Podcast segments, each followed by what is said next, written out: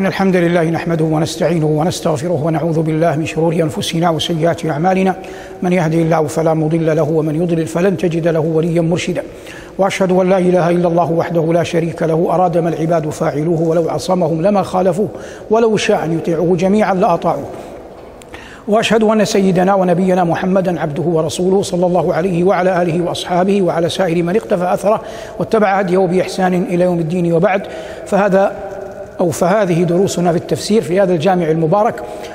ولقاء اليوم عنوانه أفلا ينظرون إلى الإبل كيف خلقت. هذه آية من سورة الغاشية قلما مسلم لا يحفظها. والإبل معدودة في بهيمة الأنعام وهي كلمة لا مفرده لها من لفظها وهي من أنفس أموال العرب.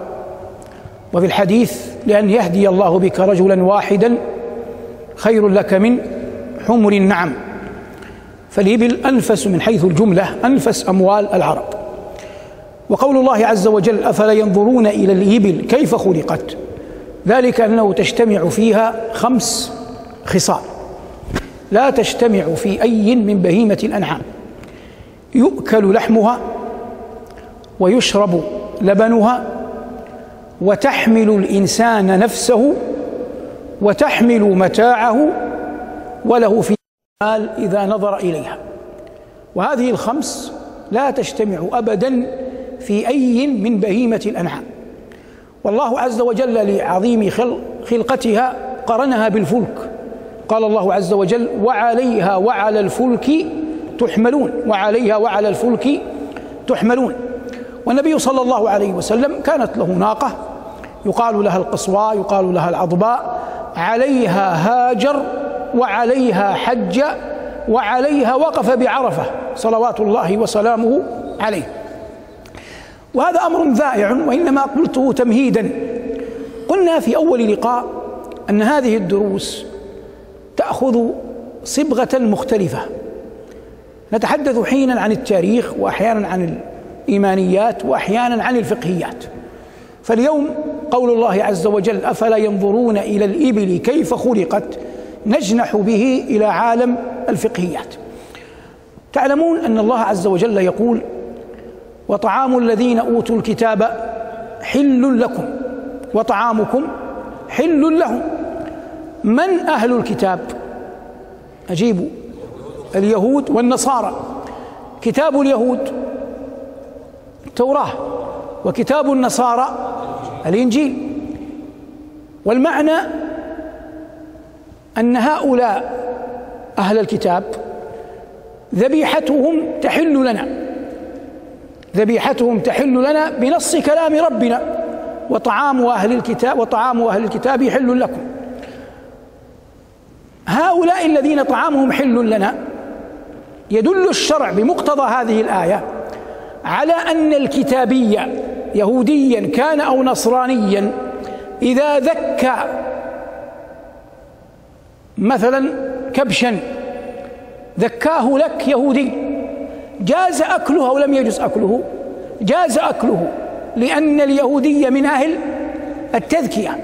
ولو ذكاه نصراني جاز أكله لأن النصرانية من أهل من أهل التذكية. فالتذكية لها شروط منها ما يتعلق بالمذكى أي بالذبيحة نفسها ومنها ما يتعلق بالآلة ومنها ما يتعلق بالمذكي نفسه. فلو أن جارك يهودي يأكل ربا يصنع ما يصنع من الفواحش وأنت لا تحسن الذبح ثم ذبح لك كبشا لجاز لك أن تأكله ولو ذكاه من؟ يهودي. ولو أن جارك غير يهودي ولا نصراني على ملة أخرى من ملل الدنيا الكثر. لكنه ليس مسلما ولا يهوديا ولا نصرانيا. وهو حسن الجوار معك لا يشرب خمرا إنما منصرف إلى عمله. مع ذلك فإن تذكيته لا لا تجوز لأنه ليس مسلما وليس من أهل الكتاب. واضح الآن؟ الآن أنت تقول في نفسك ما علاقة هذا بالإبل؟ أين المشكلة؟ الإبل محرمة على من على اليهود وعلى الذين هادوا. الله يقول ليس على أهل الكتاب. وعلى الذين هادوا حرمنا كل ذي ظفر. فالإبل محرمة على اليهود. أي أن اليهودي يرى أن الإبل لا يجوز أكلها يراها حراما. إن أكله ومعصية هذا شيء آخر لكن هو يراها في دينه حراما. كل الطعام كان حلا لبني إسرائيل إلا ما حرم إسرائيل على نفسه. ومما حرمه إسرائيل على نفسه عليه السلام وهو يعقوب حرم ماذا؟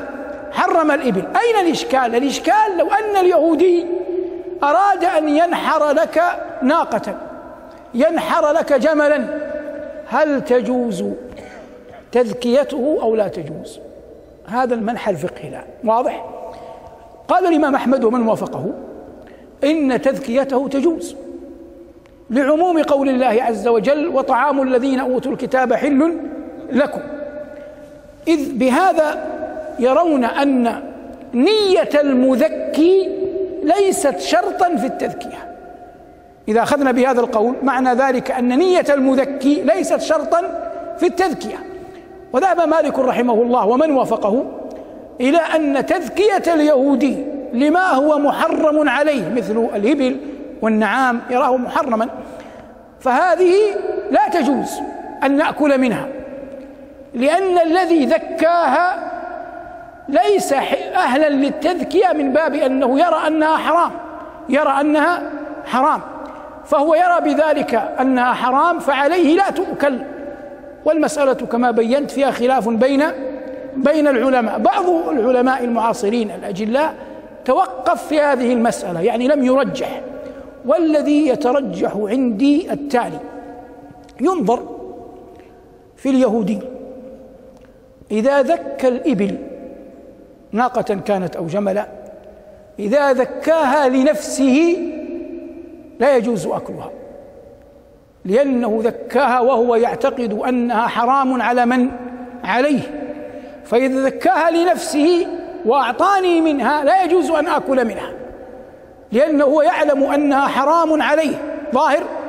لكن إن كان هذا اليهودي ذكاها من أجل مسلم لا لنفسه هو يعلم أنها بالنسبة له حرام لكنه ذكاها من أجل المسلم فهو من أهل التذكية لعموم قول الله عز وجل وطعام الذين أوتوا الكتاب حل لكم فالآية تعطيه إذنا بأنه أهل لأن يؤكل طعامه من باب أولى أن تؤكل تذكيته الذي يظهر لي أن هذا مخرج فيما يغلب على الظن من خلاف العلماء فيما لو ذكى اليهودي شيء بهيمة من الأنعام أو غيرها محرمة عليه. واضح الآن هذا منحى فقهي. كذلك من المناحي الفقهية في الإبل مسألة نقض الوضوء. فإن النبي صلى الله عليه وسلم سئل أنا توضأ من لحوم الغنم؟ قال لا. قالوا أنا توضأ من لحوم الإبل؟ قال نعم. هذا الحديث ذهب به الإمام أحمد وإسحاق وجمهور أهل الحديث على أن أكل لحم الإبل ينقض الوضوء. ووافقهم البيهقي من الشافعية. وغيره من العلماء من علماء الشافعية.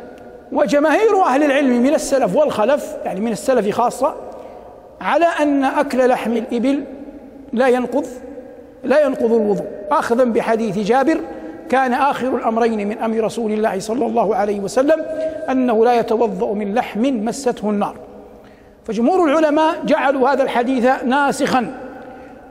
وذهب النووي رحمه الله إلى أن دعوى النسخ هنا باطلة وهذا كله يتعلق بمسألة في الأصول في قضية الخاص وال والخاص والعام. الذي يعنينا من القضية كلها أن أنقل لك اختلاف العلماء في مسألة لحم الإبل هل هو ناقض للوضوء أو غير ناقض للوضوء؟ كذلك في الأضاحي. فإن الله عز وجل تعبدنا بالأضاحي. وقال جل وعلا فصل لربك وانحر. والنبي عليه الصلاة والسلام في الهدي في هديه في حجة الوداع تقرب إلى الله بمئة من الإبل بمئة ناقة. نحر هو عليه الصلاة والسلام ثلاثا وستين بيده. وأوكل إلى علي رضي الله عنه وأرضاه أن يكمل الباقي لأن عليا لما أهل وهو قد كان علي في اليمن ولما علم أن النبي عليه الصلاة والسلام ذاهب إلى الحج توجه من اليمن إلى مكة وقال أهللت بما أهل به رسول الله صلى الله عليه وسلم. ونبينا عليه الصلاة والسلام أهل قارنا فأصبح علي مثل رسول الله عليه الصلاة والسلام يلزمه هدي القرآن فأشركه النبي صلى الله عليه وسلم في في هديه. وكذلك في الأضاحي فإن الإبل تجزي عن سبعة تجزي عن سبعة لكنها في العقيقة لا تجزي إلا عن واحد. يعني تجوز يجوز الاشتراك في البقر والإبل في الأضاحي ولا يجوز الاشتراك في العقيقة لا في الإبل ولا في ولا في البقر. فلو ضحى رجلان لو نحر رجلان ناقة واحدة عن عقيقتين لكل واحد منهما عقيقة لم يجوز ذلك شرعا. ظاهر هذا؟ إذا تحدثنا نستمر في السياق الفقهي إذا تحدثنا عن مسألة الأضاحي. جاء في حديث أم سلمة رضي الله عنها وأرضاها إذا دخلت العشر وأراد أحدكم أن يضحي فلا يأخذ من أشعاره وأبشاره شيئا. واضح الآن؟ ذهب بعض العلماء وأئمة الحديث على وجه الخصوص إلى أن بمقتضى هذا الحديث يحرم الأخذ من الأشعار والأبشار كتقليم الأظافر إذا دخلت العشر وأراد المسلم أن يضحي. أين حجتهم؟ حديث أم سلمة. وذهب بعض العلماء إلى أن الحديث لا يصل إلى التحريم. وإنما كراهة التنزيه. لماذا كراهة التنزيه؟ قالوا هذا الحديث معارض بحديث عائشة. ما حديث عائشة؟ عائشة تقول إن النبي صلى الله عليه وسلم كان يبعث الهدي إلى مكة يعني في غير حج يعني وهو عليه الصلاة والسلام غير حاج. يبعث الهدي إلى مكة. ولا يحرم عليه شيء مما أباحه الله له. يعني لا يمتنع عن أخذ شيء من أشعاره ولا أبشاره. فقالوا حديث عائشة يجعل حديث أم سلمة ينتقل من التحريم إلى كراهة التنزيه واضح؟ قال طائفة من العلماء وهو قول الأحناف ومن وافقهم وقول جمهور أهل المدينة في زمانهم قبل مالك. جمهور أهل المدينة علماء المدينة في زمانهم قالوا إنه لا يحرم ولا يكره وإن الأمر على ما هو عليه. كأنه سواء أراد أن يضحي أو لم يرد أن يضحي. أي لا علاقة بين الأضحية ولا يوجد منع بهذه الطريقة. ما حجتهم؟ حجتهم هو قطعا لم يروا صحة الحديث. لو رأوا صحة الحديث لانتهينا. لكن لماذا لم يروا صحة الحديث؟ قالوا أنا أسألكم الآن. المحرم بالحج. إنسان أهل بالإحرام بالحج. وتلبس بالإحرام. قال لبيك اللهم لبيك وأهل بحج أو بعمرة. ما أعظم ما يحرم عليه؟ أجيبوا مشايخ. الجماع. أعظم ما يحرم عليه الجماع لأنه لو جامع لفسد حجه. لكن لو أخذ من شعره أو أخذ من أظافره فدية من صيام أو صدقة أو أو نسك مخير. لكنه لو جامع يفسد حجه قبل التحلل. واضح الآن؟ واضح؟ مهم هذا. إذا كان هذا هؤلاء يقولون يقولون إذا كان المضحي جاز له إجماعا يعني بإجماع المسلمين جاز له أن يجامع أهله في عشر ذي الحجة. فمن باب أولى أن يجوز له أن يأخذ من أشعاره وأبشاره. واضح؟ إذا جاز له أن يجامع أهله ولم يرد أبدا منع من مجامعة الرجل أهله وهو أراد أن يضحي لم يقل بهذا أحد. فقالوا من باب أولى أن يأخذ من أشعاره وأبشاره لأن أعظم ما حرم على المحرم أن يجامع. فإذا جاز له أعظم ما يحرم على ما يحرم على المحرم من باب أولى أن يجاز أن يجوز له ما هو أدنى. ثم نأتي لدليل عقلي آخر وهو الحديث حديث أم سلمة صح سندا لأنه عند مسلم في الصحيح. لكن الأضحية ليست شعيرة خفية. النبي عليه الصلاة والسلام ضحى عشر سنين يعلن أضحيته وبين قال أربع لا تجزي في الأضاحي. والبراء بن عازب لما حدث رفع أصابعه. وأشار بالأربع وقال يدي أقصر من يد رسول الله وأنا أقول يدي أقصر من يد رسول الله وأقصر من يد البراء. فكان النبي صلى الله عليه وسلم يتحدث عن الأضاحي يتحدث في المنابر على مكان عام لأن هذه شعيرة أم كل مسلم. فلا يعقل أنه لما أراد أن يعلق بها أمرا أو نهيا وهو الأخذ من الأشعار والأبشار أن يجعل هذا حديثا بينه وبين أم بينه وبين أم سلمة.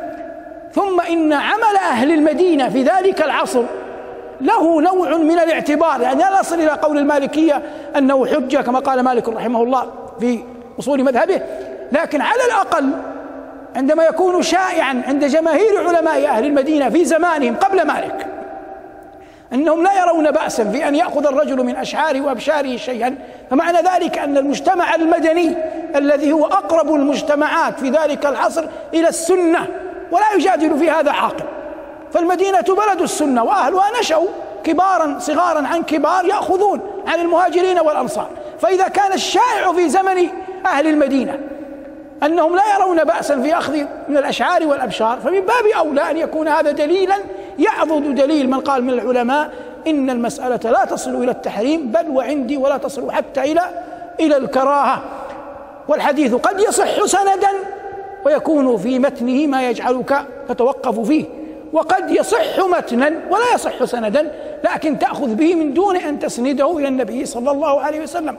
قال عليه الصلاة والسلام أنا أفصح العرب بيد أني من قريش. هذا الحديث لا يصح سندا. لا يستطيع أحد أن يقول إن النبي صلى الله عليه وسلم قال أنا أفصح العرب بيد أني من قريش. لكن معناه صحيح. لا يشك أحد أن النبي صلى الله عليه وسلم أفصح العرب. ولا ارتياب أن النبي عليه الصلاة والسلام من قريش فالمتن صحيح وإن كانت سنده لا يصح نسبته إلى النبي صلى الله عليه وسلم أنه قاله. هذه مسائل فقهية فلا يقع في صدرك حرج إن لم ترتضيها. لا يوجد أحد من العلماء قديما ولا حديثا قوله ملزم لكل أحد. ثق كما قال أهل الأصول.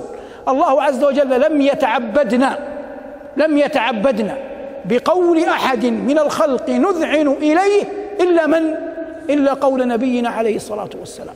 وقد كان مالك رحمه الله يدرس في المدينة على مقربة من قبر نبينا صلى الله عليه وسلم فنقلت عنه مقولته الشهيرة. قال ما منا أي معشر العلماء إلا راد ومردود عليه إلا صاحب هذا القبر وأشار إلى قبر النبي صلى الله عليه وسلم. هذا والعلم عند الله وصلى الله على محمد وآله والحمد لله رب العالمين.